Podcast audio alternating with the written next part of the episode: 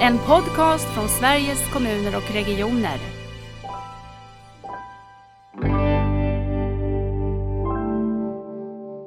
Jag föredrar eh, den digitala världen för att då kan jag formulera mina grejer.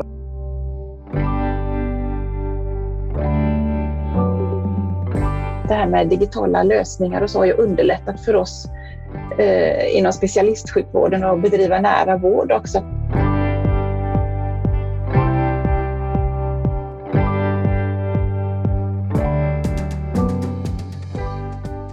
Välkomna till dagens avsnitt av Nära vårdpodden. Idag ska vi fördjupa oss mer i personcentrering, i att jobba samskapande, patienter och eh, vårdpersonal och vi ska också prata om hur digitaliseringen hänger ihop med det. Och till min hjälp så har jag Gun-Britt eh, Stålberg och Britt-Marie Saman. Välkomna till Nära vårdpodden. Tack. Tack så jättemycket. Ni är båda på västkusten idag, eller hur? Ja, precis. Mm. Gun-Britt, var finns du? Jag finns i eh, Västra Frölunda i mm. Göteborg. Och, och Britt-Marie? Ja, jag finns i Mölndal i Göteborg också. Ja, men då är vi nära. Absolut. Och jag ska säga att det, den här veckan när vi spelar in så är det den här Vitalis-veckan så jag kommer just från Göteborg. Det var härligt att få vara med många människor och också tyckte jag, för mig blev det väldigt så tydligt hur omställningen till nära vård och digitalisering hänger ihop så väl. Eh, att det sitter så bra eh, hos så många just eh, nu vi har kommit så långt i det. Men Gun-Britt, du var inte där? På Vitalis? Nej. Ja. nej.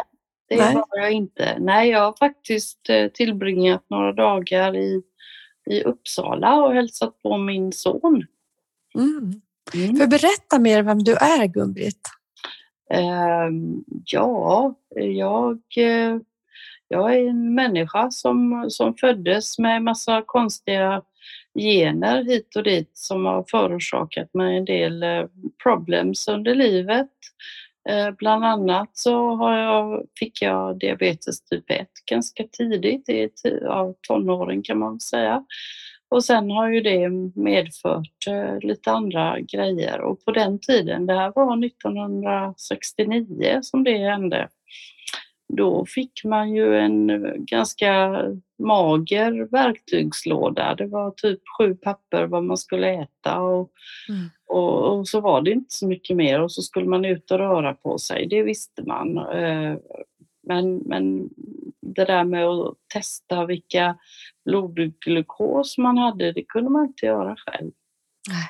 Och det är faktiskt eh, det, det, det är ett verktyg som, som jag använder idag. Så idag har jag en, en eh, kontinuerlig glukosmätning och som är kopplad till en pump som, som, eh, som sköter faktiskt ganska mycket som min stackars hjärna har fått skött i så länge som jag ändå har kunnat testa blodglukos själv. Vad betyder det för dig i din vardag? Det betyder ju fruktansvärt mycket. Det betyder ju att egenvård har fått, ett, har fått en, en innebörd som är värd att prata om. Jag tycker, jag tycker att egenvård är väldigt trevligt för det kan man ju, alltså när man har diabetes eh, nu pratar jag ju mest om typ 1 då eftersom det är min erfarenhet, men det är samma mm. sak om man har typ 2. Att man måste ta hand om det själv. Det finns ju ingen möjlighet att att man skulle kunna göra det på ett sjukhus annat än tillfälliga besök och man får hjälp och stöttning och så vidare plus alla prylar som man behöver. Eh, men eftersom man gör det dygnet runt så måste man göra det själv. Mm. jag tror nog egentligen att, att det finns många, många sjukdomar där man skulle kunna utveckla egenvården så mycket mycket mer än man har gjort idag och då kanske det behövs eh, tekniska hjälpmedel och det behövs eh, en digitalisering så att man kan få in kanske sina värden och få hjälp med analyser och så vidare så att man inte behöver vara så mycket på sjukhus. Nej. Berätta lite mer om vad, vad har du, du också ägnat ditt yrkesliv faktiskt åt vårdbranschen, eller hur? Ja, lite grann har jag gjort det, men inte särskilt mycket egentligen. Men i början så gjorde jag det. Och eh, jag hade en, eh, en ganska imponerande titel som var primärvårdsintendent i Sölvesborgs primärvårdsdistrikt. Oj. Jag kan säga det längre. primärvårdsintendent, det var faktiskt ja. första gången jag hörde.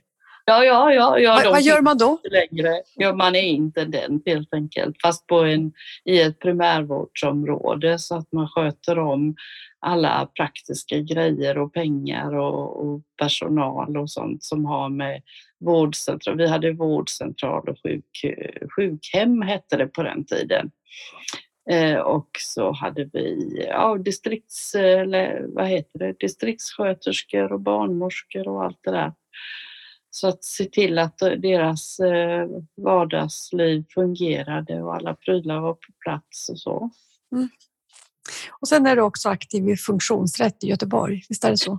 Ja, jag ägnar mig numera bara åt ideellt arbete. Jag är klar med karriär och status och pengar och sånt så att nu gör jag det bara för skojs skull och för att kanske kunna vara till nytta för andra människor. Det tycker jag är viktigt att man kan vara det. Och det ska vi prata mer om hur man kan göra det på bra sätt. Eh, Britt-Marie, vem är du då? Ja, men jag är sjuksköterska på Sahlgrenska, har alltid arbetat här och tycker att det är en fantastisk arbetsplats och har stora möjligheter att eh, bedriva god vård eh, men också utvecklas i sin yrkesroll. Så att idag arbetar jag som utvecklingschef på sjukhuset och mest fokus på digitalisering. Och eh, naturligtvis är det så att jag använder min baskompetens i väldigt hög utsträckning Eh, eh, för att fokusera på personcentrerad vård och, och bidra till bättre hälsa, men även till eh, en administrativ förenkling för, för medarbetare. För vi vill ju också minska på dubbeldokumentation och, och göra vården säker och bra och samtidigt inte behöva springa fortare. Så det, det, är en, det är ett väldigt bra fokusområde men också väldigt svårt. Hur kommer det sig att just digitalisering har blivit en sak som du arbetar med?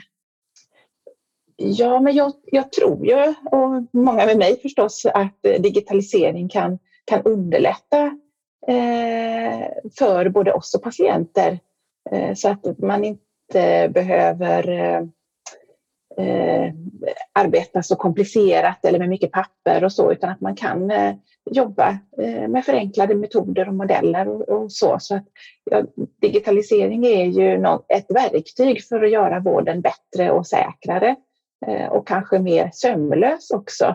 Eh, för det är också ett väldigt viktigt område tycker jag. att man, Nu jobbar jag på ett sjukhus men eh, som patient så bryr man sig säkert inte ens om att det är sjukhus eller primärvård och så utan man vill ha en sömlös vård och, och, och få den hjälp man behöver. Och, och, man tror ju redan också att vi pratar mycket med varandra över förvaltningsgränser och så men, men det är ju lite bekymmersamt fortfarande. Men eh, det brinner jag verkligen för att försöka underlätta och det här med egenmonitorering som Gun-Britt säger, det, det, det, det utgår ifrån patienten och, och, har inga förvaltningsgränser. Så att det, det tycker jag är väldigt, väldigt bra utgångspunkt för ett fortsatt arbete.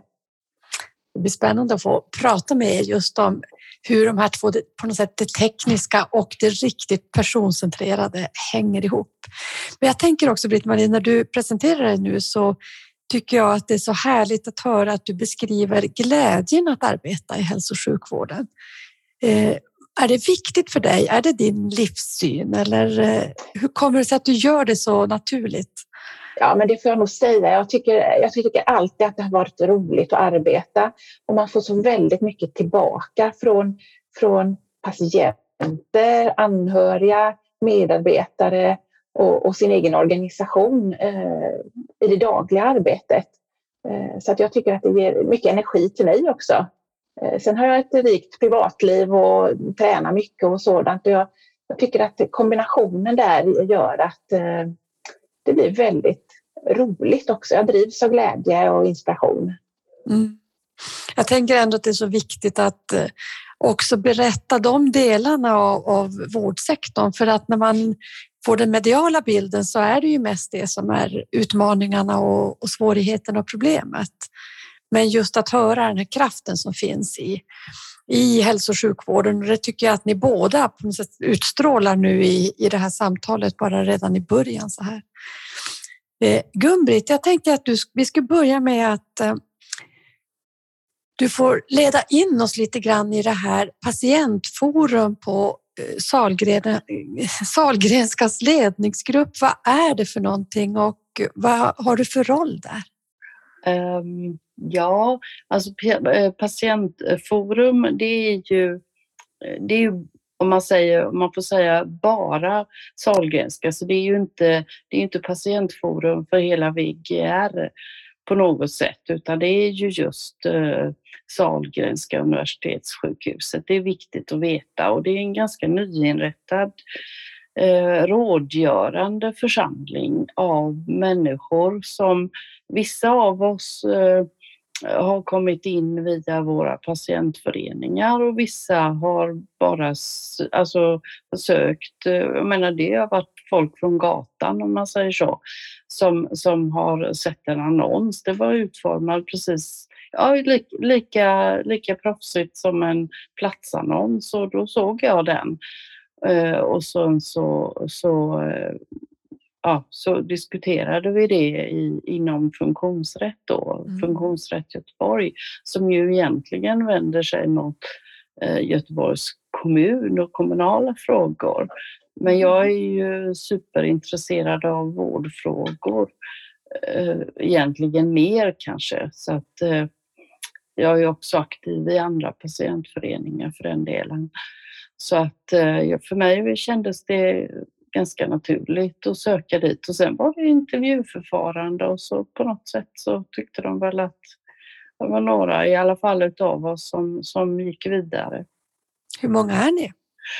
Ja, hur många är vi? Vi är lite styvt tio stycken eh, och eh, vi har som sagt var inte hållit på så himla, himla länge, men vi diskuterar, vi har ju första delen gick ju åt väldigt mycket åt att försöka få fram, ja, men vad är det för, vad är det för områden som vi vill jobba fokuserat med? Och då blev det just eh, egenvård och det blev eh, Eh, personcentrerad vård och vi pratar mycket om kommunikation och bemötande och alla de här grejerna hör ju ihop naturligtvis. För att om man inte kan kommunicera med, eh, med oss patienter, om vi nu får säga det ordet då, så att vi i alla mm. fall vet vilka vi pratar om, mm. så, så blir det ju väldigt konstigt. Och för mig handlar det ju väldigt mycket om att, att hitta hitta... Jag, menar, jag är ju ganska beroende av just Sahlgrenska universitetssjukhuset. Jag är själv patient på, vad är det, tre, fyra kliniker eller någonting sånt där. Och, och för mig är partnerskap i fred någon slags eh, nyckelord här. Jag vill, jag, vill kunna, jag vill kunna fråga saker, jag vill kunna få nyheter, jag vill kunna få stöttning när jag behöver, för det behöver jag ibland. Mm. Trots att jag vinnlägger mig verkligen om att lära mig saker och ting själv så behöver jag ett bollplank som kan mer än vad jag själv kan. Och det, där spelar vården en väldigt stor roll för mig. Det här är kanske olika för olika eh, patientgrupper. Har man någon annan sjukdom så kanske, men, men det är just kunskap som är väldigt viktigt. Och för, för det är så pass komplicerat eh, bara en enda sjukdom och jag har ju flera stycken då så att mm. kombinera ihop dem där kan vara lite tufft ibland och då behöver man hur går det till det där? Att ja, du får det, det stödet? Hur, hur ja, du... det kan gå till på lite olika sätt. Eh, eh, faktiskt, det hände lite olika obehagliga saker här som, som gällde, jag har lite njursvikt och, och då hade jag frågor runt det. Hur ska jag hantera det här? Och då lägger jag ett ärende på 1177 till njurkliniken och sen så eh, ja, dagen därpå så ringer det en doktor och så har vi ett samtal och så säger han kanske att ja, men du kan, vi, vi testar det här eller det här och så gjorde vi det och så blev det bättre. Härligt att du säger om 1177. Jag har ju, har ju varit på Vitalis och, och det är ju ändå en viktig och tydlig ingång för väldigt många. Om man nu kan få den där snabba kontakten som du då kan få med, med den som kan ge dig stöd ja, och råd. Ja, ja, absolut. Alltså nu är det ju, det, det beror ju lite på vad det är för grejer man har naturligtvis. Och, och, och, alltså nu har ju jag en historia där så att det är naturligtvis, jag antar att de kanske inte, ja jag vet inte hur de gör. Man kan inte bara liksom skicka en fråga till en klinik sådär, det funkar ju inte. Utan vi har ju redan en relation och då Mm. är detta det naturliga sättet för mig. Mm. Jag hatar och telefonsamtal nämligen. Jag har fått nog av Mm. det tidigare i livet. Så att jag föredrar, eh, jag föredrar eh, den digitala världen för att då kan jag formulera mina grejer. Och, och sen så hade jag, ett, eh, hade jag det slutade, ja slutade gjorde det ju inte men det ledde fram till ett telefonbesök som det heter. Och då, då, det betyder att han ringer upp mig på en bestämd tid. Och då hade jag förberett det genom att ja, men tänkte nu ska jag vara lite duktig här då. Så då satt jag och tog blodtryck hemma också för det hade med saken att göra nämligen denna gången. Och då tog jag egna blodtryck och så la jag in dem på 1177 plus hur mycket, hur mycket jag hade varierat i vikt för det hade också betydelse just då som jag Mm. svullnad att göra. Så att eh, när han ringde så hade han de uppgifterna som jag själv hade producerat hemma då. Det, tänker det, det här är ingenting man gör liksom första gången man får en akut sjukdom, vill jag bara påpeka, utan jag har ju mångårig träning då. Men jag tänker också, det är ju det som är vår konst nu, att också kunna ta vara på den här levda kunskapen som Mm. du har och den erfarenhet du har eftersom det är så många idag som lever med sina sjukdomar livslångt eller i alla fall långvarigt. Ja. Jag, jag tänker, Britt-Marie, vad tänker du när du hör Gun-Britts beskrivning här av kontakten med vården? Och, Jo, men jag Det- tycker det är ett lysande exempel på vad man kan använda 1177 till. Att kommunicera med vården på ett säkert sätt. Och att man inte alltid behöver ha särskilda plattformar för egen monitorering för att kunna eh, kommunicera med oss. Utan att väldigt, väldigt ofta räcker det med det man har hemma eller kan eh, skicka in eller så. För en våg har ju väldigt många hemma till exempel. Och, och en termometer och, och sådana saker. Och eh, väldigt många personer har ju aktivitetsklockor och sådana saker så att man kan få lite puls och lite sånt. Eh, och, och, och det visar ju verkligen hur att man kan använda 1177 till väldigt mycket. Så att det är ju jätteintressant att höra och gör mig väldigt glad faktiskt att vi inte behöver vänta på fina plattformar och så utan att vi kan börja här och nu. Och det, det, det har vi ju verkligen försökt med här på Sahlgrenska också att bli bättre på att använda 1177 och inte bara att eh, patienter ska kunna skicka in sina frågor eller undringar och så utan att även vi ska kommunicera ut via 1177 för där har vi varit väldigt, väldigt dåliga på att använda eh, den funktionen eh, tidigare. Men vi, vi börjar bli bättre nu och, och, och det här med att vi, vi skickar väldigt många brev fortfarande och så med, eh, med kanske bara ett provsvar och en, ett besked om att nu, nu ska man ändra det här eller nu ska du tänka på detta eller så med vårdråd och så, så skickar vi fortfarande ganska mycket post. Men där, där har vi nu försökt i alla fall att och, eh, kommunicera utåt mer i 1177 med den typen av vårdråd och information eh, så att man minskar det här brev, brevbombandet med det står fyra rader på ett litet papper. ja, Eh.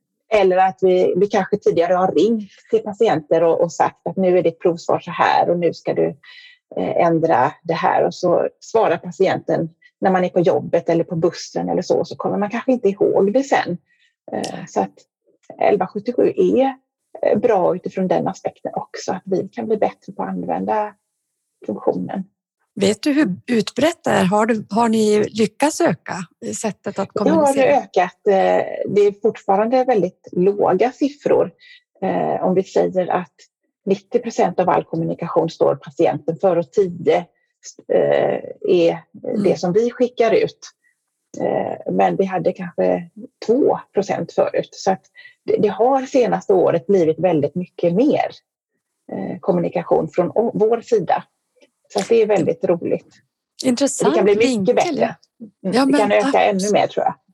Ja, det är ju faktiskt inte många saker man får som papperspost idag, men just hälso och sjukvård, det är väl de breven som kommer. Jag, jag spelade ju in podd för några veckor sedan med Sofie Zetterström som är affärsområdeschef på, på 1177 och jag tänker att de siffror hon säger, det är ganska hisnande att 9,5 miljoner svenskar har ett konto på 1177 och 30 miljoner besök per månad. Mm. Så tänker man vilken potential det finns. Också i, i Gumbrit, personer som lik dig har lång erfarenhet och känner sig bekväma med det här sättet att, att kommunicera. Men behöver vi träna? Hur gör ni för att se till att, vad ska jag säga, readinessen, att man, vi får en större eh, eh, möjlighet att kunna använda 1177 till exempel. Britt-Marie, jobbar ni med de frågorna någonting? Ja, men det gör vi och mycket handlar om digital kompetens faktiskt hos våra medarbetare. Att man ska våga och kunna eh, börja på något sätt, för det är ju ingenting som är farligt eller, eh, eller det är inte mycket som kan gå fel, utan det, det, om man bara förstår vad man kan använda det till så, så, så eh, kan det bli väldigt, väldigt bra tillsammans med eh, patienterna. Eh, så att vi har nu till exempel de senaste två åren arbetat med ett delvis EU-finansierat projekt som heter Digit SU som har handlat om att öka medarbetarnas digitala kompetens. Så att de senaste två åren har vi utbildat 10 000 medarbetare per termin mm. av våra 17 000 under denna svåra pandemitid får vi väl säga, men kanske också tack vare den att vi har behövt att arbeta mer med digitala vårdmöten exempelvis. Så att vi har vi har ökat kompetensen ganska dramatiskt, men vi har ju fortfarande 7000 kvar. Eh, så att vi får ju fortsätta naturligtvis. Eh, Hur har det mottagits, de som har gått Jo, men väldigt, väldigt bra faktiskt, för att det är ju sällan man får någon introduktion av varken vårdens digitalisering eller vardagens digitalisering på sjukhuset när man startar sitt arbete. Och sen är det ju ofta så att det, man, man lär sig av någon annan som har lärt sig av någon så att kunskapen urvattnas ju väldigt snabbt. Eh, så att det här har varit en, en väldigt bra kompetenshöjande åtgärd och eh, sedan ett halvår tillbaka så har även regionen tagit över samma modell. Så då heter det Digit VGR istället. Mm. Och det är, det är ett digitalt, eh, en digital utbildning i ett lärsystem som efterföljs av dialogmöten som är strukturerade i små grupper och så. Vad kan vi göra här och nu utifrån det vi har lärt oss och, och så. Så att vi har tack vare det också klarat av ganska stora utmaningar de här senaste två åren. Mm. Därför säga, Gun-Britt har ju bistått i det här arbetet också med att vi hade en eh, en undersökning som vi ja, gjorde, eh, och delvis Gunbritt, men eh, du har ju varit lite av en huvudperson där, ja, eller frontfigur. Ja, absolut. Ja. där vi har följt patientens digitala resa och upplevelsen i, i vårdens digitalisering och hur man som patient möter oss digitalt och så. Och där har vi ju fått fram ganska intressant input med gapet med vad patienterna tycker och vad vi tycker. Mm. Eh, och att det finns en klyfta också kanske kring vilken, att det blir lite orättvist eh, vilken kompetens man har som patient eller, eh, eller så, så alla har inte samma förutsättningar. Så att tack vare Gun-Britt och de intervjuerna vi gjorde så, så har vi förstått att vi behöver hjälpa patienterna också att, mm att eh, kunna 1177 eller kunna eh, lite egenmonitorering och så, eller självincheckning och så, att alla är inte fullärda där ute i samhället heller, eh, lika lite som vi. Så att Vi Hur gör ni behöver- det då? Ja, vi har inte riktigt börjat utan vi har börjat med lite workshops och ta reda på vad är det som man behöver eh, som patient och vad vården behöver i verksamheterna för att kunna hjälpa patienterna. Så det är det vi har startat med. Eh, så det blir nog nästa steg att vi ska köra igång med någon typ av kompetenshöjande insatser även för patienter. När, kanske när de ändå är här på sjukhuset. Mm. Eh, när man ligger inne eller mm, Ja, men nu sitter man ju inte i väntrum eh, längre i någon större utsträckning, vilket är väldigt positivt. Men annars så, nej, vi försöker också från, från eh, patientföreningar och jobbar med detta och specifikt med 1177 kan vi skriva om. Alltså Göteborgs diabetesförening har ju en egen tidning till och med. Den är, ja, den är faktiskt den ligger digitalt men den är, skickas ut i papper. Och där kan vi, har vi skrivit om 1177 och har svarat på frågor och, och så där vidare. Och jag har för mig vi har haft en föreläsning om 1177 också. Och sådana grejer. Och sen tänker jag, alltså det är ju någon slags allmän digitalisering i samhället och det klagas mycket över att, att man ska behålla eh, ja, eh, gamla sätt att kontakta och så vidare. Och någon gång måste väl det ta slut. Att, alltså, alltså alla kan det till slut. Det är ju en generationsfråga, en, en åldersfråga helt enkelt. Och jag brukar säga, men snälla någon, fråga barnbarnen om ni har några, för de kan. Så kan de lära. Jag försöker lära mina gamla släktingar så gott jag kan. Mm. Och det, det, är liksom en första sådär, jag kommer ihåg det var faktiskt förra sommaren. Då, då sa min, en av mina bröder till mig, för han har, alltså, han har gått och haltat i åratal och behövde byta knäled helt enkelt. Ja men skriv en egen remiss, ja ja ja, och så kom han äntligen en dag. Kan du, kan du hjälpa mig att skriva ut blanketten från 1177? Och så tittade jag på honom. Nej men snälla du, blankett, man skriver inte ut blanketter, vi fyller i den på 1177 tillsammans. Och så satte vi oss vid, vid mitt köksbord och, och, och jag hanterade datorn för han är, han är liksom typ snickare och sånt så att han är inte så van vid datorer. Eller var inte då i alla fall. Men ja, nu är han opererad Ja, och håller på med rehab. Ja, det är Mm, helt makalöst. Mm. Och, och vi pra- jag träffade honom nu för inte så länge sedan och ja, men du vet det kan du bara lägga Ja, det lägger jag bara in på 1177, säger han då. Ja, men det visar ju också att vi alla behöver hjälpas åt och, och, Ja. eh, så att, det, så att Ja, vi lär oss Man, tillsammans. man, Samhälle. måste, ja, man måste faktiskt hjälpas åt med det. Mm. Det är inte så... Det, det är värst första gången och sen när man väl har lyckats med det och man kommer Mm. ihåg då så, ja, så måste man ju klart, eller måste och måste, man kanske kan logga in med något annat än ett bank-id, det vet jag inte. Så vill man inte ha det så blir det ju lite Mm. struligare.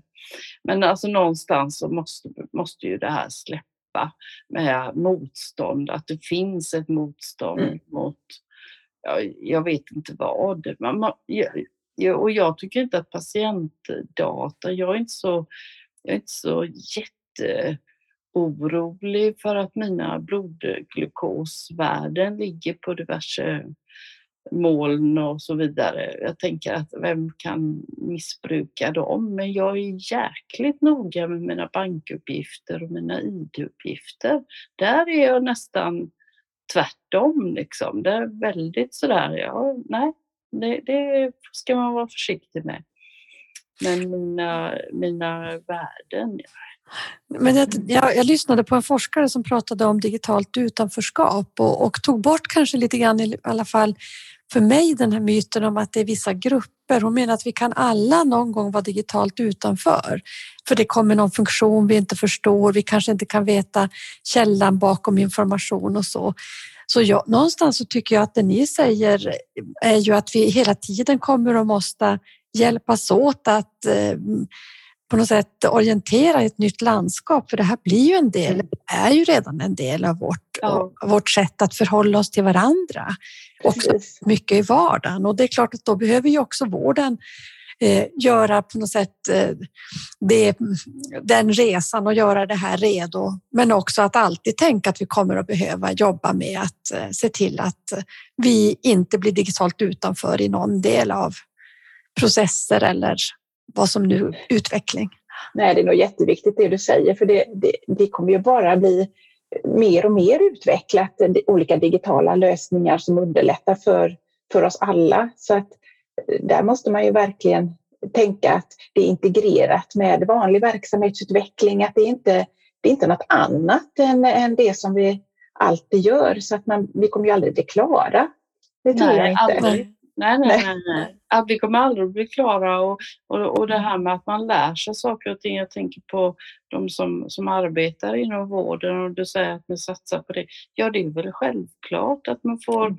introduktion i, i de hjälpmedel som man använder. Snälla någon, när jag började jobba då fanns inte datorer på det viset. Eh, utan då fanns det väl något som hette skrivmaskin eller jag vet inte vad det hette men det var någon som använde någonting i alla fall och fick fram tryckta grejer. Mm. Eh, och sen så småningom så kom det, kom det ju datorer så lärde man sig så lärde så, så idag är ju det naturligt att, att, att om man börjar på ett företag eller ja, på ett jobb vilket som helst så, så ingår det ju naturligtvis ja, men vilka system använder man. Mm. Det är ju Mm. bara en naturlig del utav ens jobb. Mm. Det är ett verktyg som man använder, Mm. ingenting Precis. annat. Precis. Ja, jag måste säga också att det här med digitala lösningar och så har ju underlättat för oss eh, inom specialistsjukvården att bedriva nära vård också. Att vi har ju börjat, vi har ju tidigare åkt ut till patienter eh, som vårdprofession hem till patienter eller individer på eh, olika ställen och så för att underlätta eh, livet eller göra en bedömning eller, eller sådana saker. Men då har vi ju oftast tagit med oss tillbaks lite skrivna anteckningar i ett litet notispapper eller ett litet block eller så. Men, men nu fungerar det ju väldigt, väldigt mycket bättre att vi kan dokumentera i realtid när vi är på plats och att vi kan ha digitala möten med en konsult eh, inne på sjukhuset om man behöver fråga någon Mm. och, och så. Så det har ju blivit väldigt, väldigt mycket enklare att, att få stöd och få det ännu lite säkrare vården. Vi, Och verkligen ett exempel på också nära vård. ja, att det precis. kommer nära och flyttar hem och Ja. det digitala tillsammans med det, Mm. det som är, sker i hemmet. Att Mm. möjliggöra det. Vad ser du för, hur tar medarbetare det här? Vad, ser man potentialen i det här sättet att jobba? Ja, det får jag verkligen säga. Från början kanske man tyckte att nej, men det är inte, det är inte vårt uppdrag på ett specialistsjukhus att åka hem till personer. Ehm, utan det är ju primärvården eller kommunen som ska göra det. Men när man kommer över den spärren så, och förstår att det faktiskt eh, gynnar, eh, gynnar hela hälso och sjukvården och hela systemet och patienten så inser man ju att det är väldigt bra. Eh, så att nu har vi ju väldigt många olika sorters eh, mobila team ute, både inom somatiken och eh, psykiatrin och ambulansen och, och, och eh, eh avancerad sjukvård i hemmet och den typen av eh, konsultationer som vi ändå gör. Och det, det minskar ju också behovet av att läggas in på sjukhus och det är ju ingen patient som vill vara på sjukhuset. Det, det, det vill man ju verkligen inte. Så att det här gagnar ju alla. Ja, Eh, gode ju- man blir ho- hospitaliserad hur snabbt som helst. Mm. Jag fick ju ligga på sjukhus väldigt mycket när jag väntade min son. Och Han är född 1979 och det här var inte på Sahlgrenska. Det här var i landsorten någonstans. Så, så vi kan strunta i vad det var. Eh, Men i vilket fall som helst, så då kunde man ju inte mäta sina glukosvärden själv hemma. Man kunde inte det, det fanns inte sådana apparater. Och, och då var jag tvungen att ligga på sjukhus jättemycket Mm. flera månader och det var jättekonstigt att komma hem kan jag berätta. Nej, men snälla någon, är det självpåfyllande kylskåp? Nej men det finns ju inte riktigt. Man måste göra saker och ting för att livet ska fungera. Man får ju, liksom, Mm. man får ju köra någon slags ADL-träning på sig själv. Jag har ju gjort det. Jag har legat på sjukhus flera gånger, långa, men det är ju länge sedan nu. Mm. Jag håller mig ju jag, jag har någon slags princip i livet. Där. Nej, jag ska inte åka till akuten. Jag ska inte läggas in. Jag ska klara detta själv. Ni får bära dit mig om det, behöv, om det är absolut nödvändigt. Och det händer ju, det har ju hänt naturligtvis. Men jag undviker det verkligen i det. Jag tänker det där som du säger Gun-Britt, det är också en drivkraft i att ta vara på den här omställningen. Att när man lever med, som du, flera sjukdomar samtidigt så har man också en drivkraft att vilja vara självständig. Ja. Och, och att vi ska också ta vara på både kunskap och drivkraft när vi gör den här omställningen. Mm. Eh, Jag tänker Britt-Marie, det som jag tycker var intressant i det du nu säger också kring de mobila teamen där ni har kommit väldigt långt i Västra Götaland. eh, Det är ju att kombinationen med det digitala, för ofta pratar vi om de Mm. digitala utvecklingarna och så pratar vi om de mobila lösningarna och så pratar vi om dem lite separat. Mm. Men att det här faktiskt på något sätt hjälper också den, den mobiliteten eller det nära där människor är. Det hjälper Ja, att tala till. Precis, precis. Och nu, är nu, sen något år tillbaka så har vi också en mobil röntgen till exempel. Just Att vi, ja, och det är, ju, det är ju fortfarande i pi- pilotstadiet men någonting som är väldigt, väldigt eftertraktat. Så att, nu kan man ringa larmcentralen och, som sjuksköterska eller vårdpersonal på ett boende Mm. eh, och säga att jag har en patient som har trillat här, kan inte ni, komma och, kan inte ni skicka någon som kommer och tittar? Och då kommer man ut med en röntgenapparat på 3,5 kilo bara Mm. och, och tar en röntgen och, och bilderna åker in och värderas av en, eh, en eh, radiolog. Och man kan på plats bestämma om den här patienten behöver åka in till sjukhuset eller inte. Och då åker den ju ett, ett spår som gör att man slipper åka till akuten utan man åker direkt till, till rätt vårdnivå. Eh, och då är det ju kanske 20 procent bara som behöver åka in till sjukhuset och resten blir kvar på sitt boende och får vårdråd och eh, råd om fortsatt behandling eller, eller så. Och så är det klart. Så det gör ju också att vi har ganska många onödiga transporter som, som vi slipper. Och det, det finns ju, vi har en fantastisk områdeschef på ett av våra områden som ofta säger det att det farligaste som kan, man kan göra det är att ligga på sjukhus. Ja, Egentligen. Så att eh, det är ju också, det är också att man är mån om att man eh, ska göra det som verkligen, verkligen är bäst för individen. Mm. Verkligen. Mm. Jag tänkte vi skulle komma tillbaka till det här med patientmedverkan. Det här patientforumet som du nu finns i, Gun-Britt, vad, vad har ni för uppdrag? Vem träffar ni? Vem möter ni? Vem rådger ni? Ja, vi träffar ju ledningsgruppen på, på SU helt enkelt. Det är, vad, det är de vi träffar. Mm. Eh, Och det är ju inte särskilt ofta eh, vi gör det utan det är ett par gånger om året och sen har vi, eh, träffar vi ett par personer som, som eh, vi förbereder frågor med också. Chefsläkare. Eh, ja, vi, vi kan glömma ja, Jag är jättedålig på att komma Mm. ihåg. Jag tror ni träffar kommunikationsdirektören och chefläkare Ja, och, och så. ja Men, det nog. Ja. mm, mm. Men sen får vi väl säga också att eh, Patientforum har vi använt individer ifrån Ja, att just hjälpa oss i olika förbättringsarbete. Det är, också. väl, det, är väl, det är väl egentligen, alltså det var väl mitt, eh, mitt mål och det var Mm. väl därför jag hamnade i den där 1177 eh, undersökningen för att jag, Mm. jag, jag, eh, jag sa att jag vill göra någonting, liksom hjälpa till med någonting, kanske inte precis då med provrör någonstans för det är inte min kompetens men någonting kan jag ju. Mm. Och ja, så, så, så då, Mm. då blev det eh, den och, och jag kan ju absolut tänka mig att vara med mycket mera eh, i praktiska olika sammanhang, absolut. Mm. Men Ja, det är jätte, jätteroligt att höra och det var, det var ja, nu vet jag inte riktigt hur många sökande det var till de här eh, uppdragen. Eh, men det var, jag tror att det är 40-50 stycken som, som signalerade i efterhand som inte kom med då att Ja, vi hjälper gärna till på annat sätt. Så där har Mm. vi också en liten eh, bank eller vad man nu ska kunna säga med jättebra kompetenser som vi kontaktar ibland eh, om vi vill ha hjälp med eh, i olika projekt och, och, och så. För att vården vet inte alltid bäst. Utan eh, Nej, alltså det ha är, med några patienter är Samarbete, ja. riktigt bra. Det är ett samarbete mellan, mellan oss. Och, alltså jag, mitt, mitt, eh, ja, mitt mål med Patientforum det är att göra SU ännu bättre. Jag tycker att det är bra generellt sett. Jag, jag tycker verkligen det. Och jag får bra vård där, jag har bra kontakt, men jag har varit på ställen som behöver förbättras, absolut. Och det finns säkert människor som har andra upplevelser.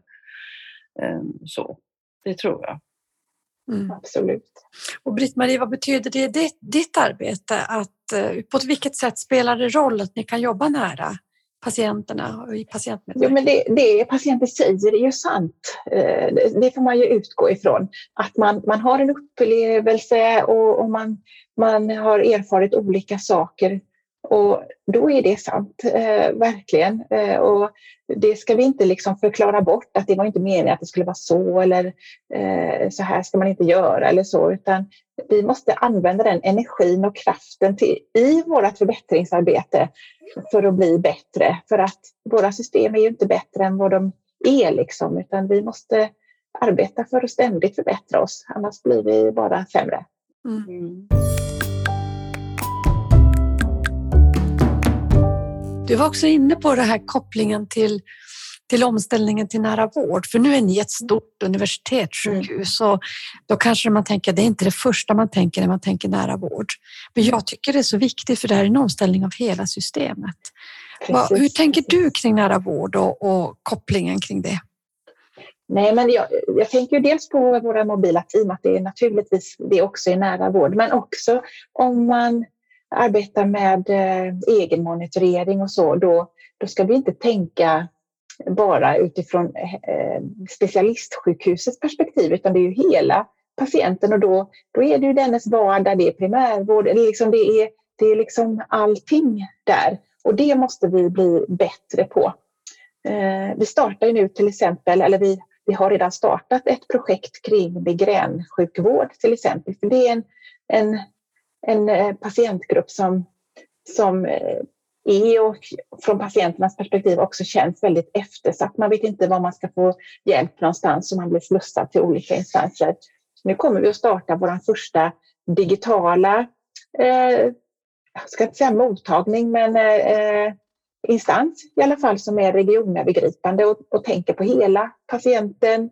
Liksom, eh, och och det, det kommer inte bara vara digital vård som man bara eh, får stöd i utan att interagera, utan man ska kunna interagera med personal också och det ska även finnas möjlighet för eh, eh, fysiska besök i det fall det behövs. Så att det blir, det blir liksom en, en väldigt en revolution hos oss egentligen kan man väl säga när den väl kommer igång. Och jag tror att det kanske har något, något halvår, ett år till på sig innan det blir realiserat på riktigt. Men man har kommit väldigt, väldigt långt i, i planeringen och det praktiska arbetet. Och där har man patienter med sig i utvecklingsarbetet och eh, olika resurser för, för eh, digital eh, kommunikation.